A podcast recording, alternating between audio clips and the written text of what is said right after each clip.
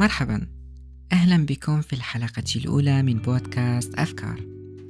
معكم أكثم مقدم هذه الحلقة وضيفها وكاتبها ومخرجها وأتمنى أن لا يدوم الحال على ما هو عليه. فلا شيء أسوأ من الوحدة. في هذا البودكاست سأحاول التعرف على ذاتي أكثر من أي وقت مضى. وأنتم ستكونون رفاقا لي في هذه الرحلة. طوال حياتي اعتقدت بأنني مدرك وواع لما يجري لي من أبسط الأشياء وصولا إلى أعقدها. اعتقدت منذ صغري بأنني أعلم ما أريد أن أكون في المستقبل وبأنني حتما سأكون. كنت أعتقد بأنه يمكنني أن أميز بين مختلف الناس فيما إذا كانوا أناسا طيبين أم سيئين وأن أحسن اختيار رفاقي. اتخذت نفسي مثالا للعلاقات الصحية سواء كانت علاقة صداقة أو حب. وللحب خصوصية في ذلك. يمكنني أن أحدثك لعشر ساعات متواصلة عن ما هو الحب وما هي هيئته وكيف يمكن أن تكون علاقة صحية. اعتقدت بأنني أعلم دوافع السلوكيات من حزن أو فرح أو غضب أو غيرة. وغيرها من الانفعالات التي نقوم بها في كل لحظة. لا يمكنني أن أخفي كم كنت سعيدا بفهمي لذاتي. كل شيء واضح ومفهوم أنا أعرف نفسي وأعرف الآخرين كل هذه الثقة والإيمان المطلق تهدمت في لحظة في لحظة أدركت بها بأنني لا أعلم شيئا في هذه الحياة نفسه الشخص الواثق من نفسه ومما يريد تحول إلى شخص تائه لا يعرف أن كان هو الصواب أم الخطأ.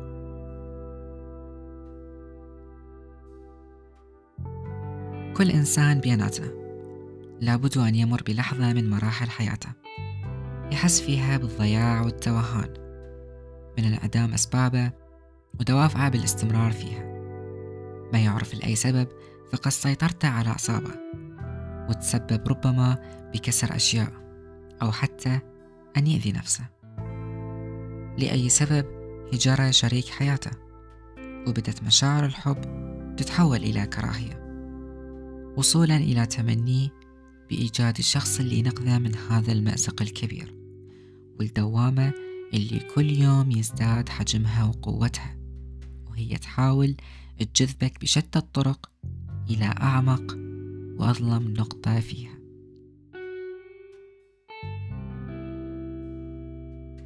سألت بعض الأشخاص عن مواقف في حياتهم كان السبب في شعورهم بالضياع والتوهان وعدم معرفتهم لنفسهم وللأشخاص اللي كانوا محل ثقتهم.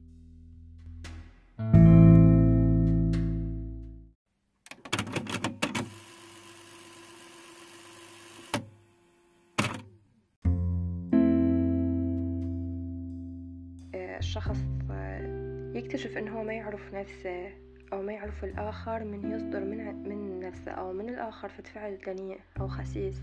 يخليه يسأل نفسه إنه اني لحد وين ممكن أوصل بالدناءة أو شنو الشر اللي بداخلي؟ شنو هو أقصى شي ممكن أسويه؟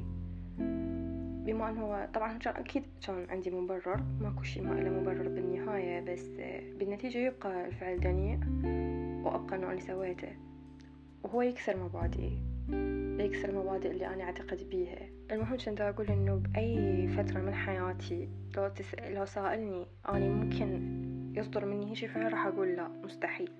حتى ما أتقبل من الآخرين. بس حتى بالفترة اللي أنا سويتها بيها كنت أقول إنه أنا ليش دا أسوي؟ أو معقول إنه أنا دا أسوي كذا شي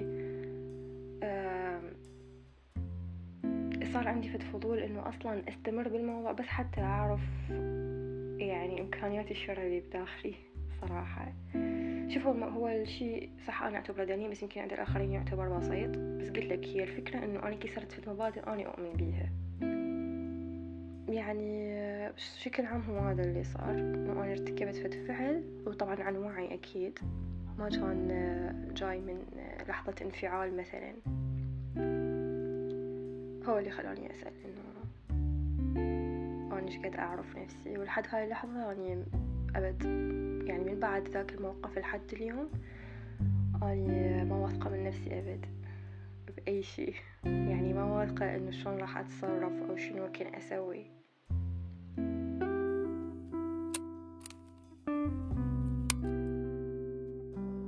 موقف خلاني أسأل نفسي إذا صدق أعرف نفسي أو لا.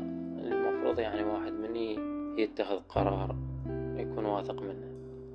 فأني دافعت عن الناس المفروض أصير ضدهم فتفاجأت بنفسي وما صار الموقف إنه أنا دافعت لهم. موقف خلاني أعيد تفكيري بالناس إنه شخص جدا جدا جدا ما تخيل إيش قد قريب علي. حكى حكاية يعني أثرها لسه يعني باقي باقي وياي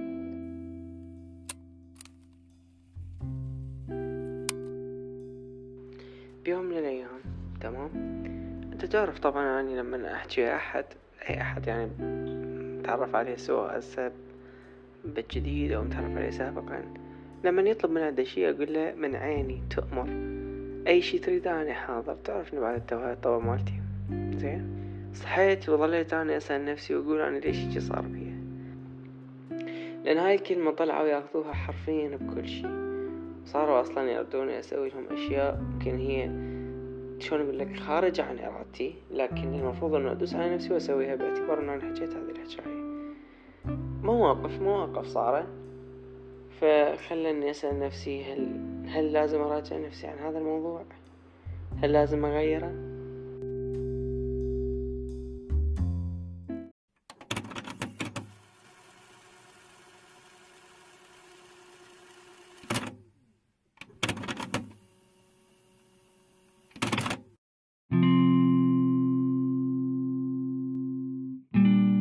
ليس بالضرورة بأنك مررت بكل ما سبق ولكن ما أريد قوله بأننا نقضي كل الوقت بمختلف الأشياء من دون إعطاء أي وقت لنفسنا لاكتشافها من دون أن نعرف أي نوع من الأشخاص نحن نثق. لا تتوقف أبدا عن محاولة الاكتشاف لأنك لو فعلت ستعتقد بأنك علمت كل شيء وعندها ستكون أي صدمة كفيلة بعودتك إلى نقطة البداية. بالطبع لابد وأن تمر بصدمات تغير في مبادئك ونظرتك للحياة وقد تترك أثرا نفسيا كبيرا وعميقا ولا يمكن الفرار من ذلك. ولكن كلما كنت أكثر دراية بنفسك وبمن هم حولك كلما ابتعدت عنك الصدمات وكلما كان أثرها أقل أقل وأقل.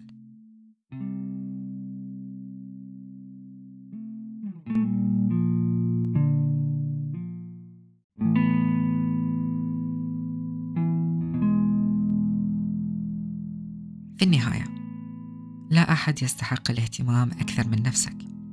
حاول أن تفهم ليش أنت حزين اليوم وليش ما عندك طاقة تنجز وتسوي أي عمل أو جهد أو أنه ليش أنا عصبت على صديقي أو صديقتي؟ على شي بسيط ما يستحق كل هذا الغضب والتوتر. ابدي تعرف على نفسك كأنها صديق جديد واعتني بيها بطريقة أفضل مثل ما تحاول تعتني بالآخرين. أكيد حتصادفك مشاكل وعقبات وأمور تعجز عن فهمها سواء بداخلك أو بالمحيطين بك بس كل شيء له جواب. وأكيد لا يوجد شيء وليد الصدفة. إذا حاولنا نفهم نفسنا راح حتما نقدر نعالج هذه المشاكل ونكتشف أسبابها. خطوة بخطوة. وإذا حسيت نفسك ضايع رغم كل المحاولات فلا تتردد بطلب المساعدة من الأشخاص اللي تثق فيهم سواء من الأصدقاء أو الأهل.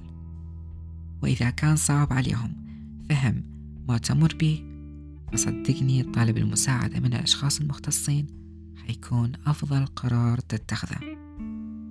الطب والعلم إن وجد حتى يساعدنا ويسهل حياتنا واستعانتك به حيكون أفضل استغلال له شاركوني برأيكم على الانستغرام فيما يخص الموضوع. حساباتي موجودة في وصف الحلقة. وأخيرا أتمنى لكم ليلة هادئة وأن تكونون بخير دائما وأبدا. تصبحون على خير.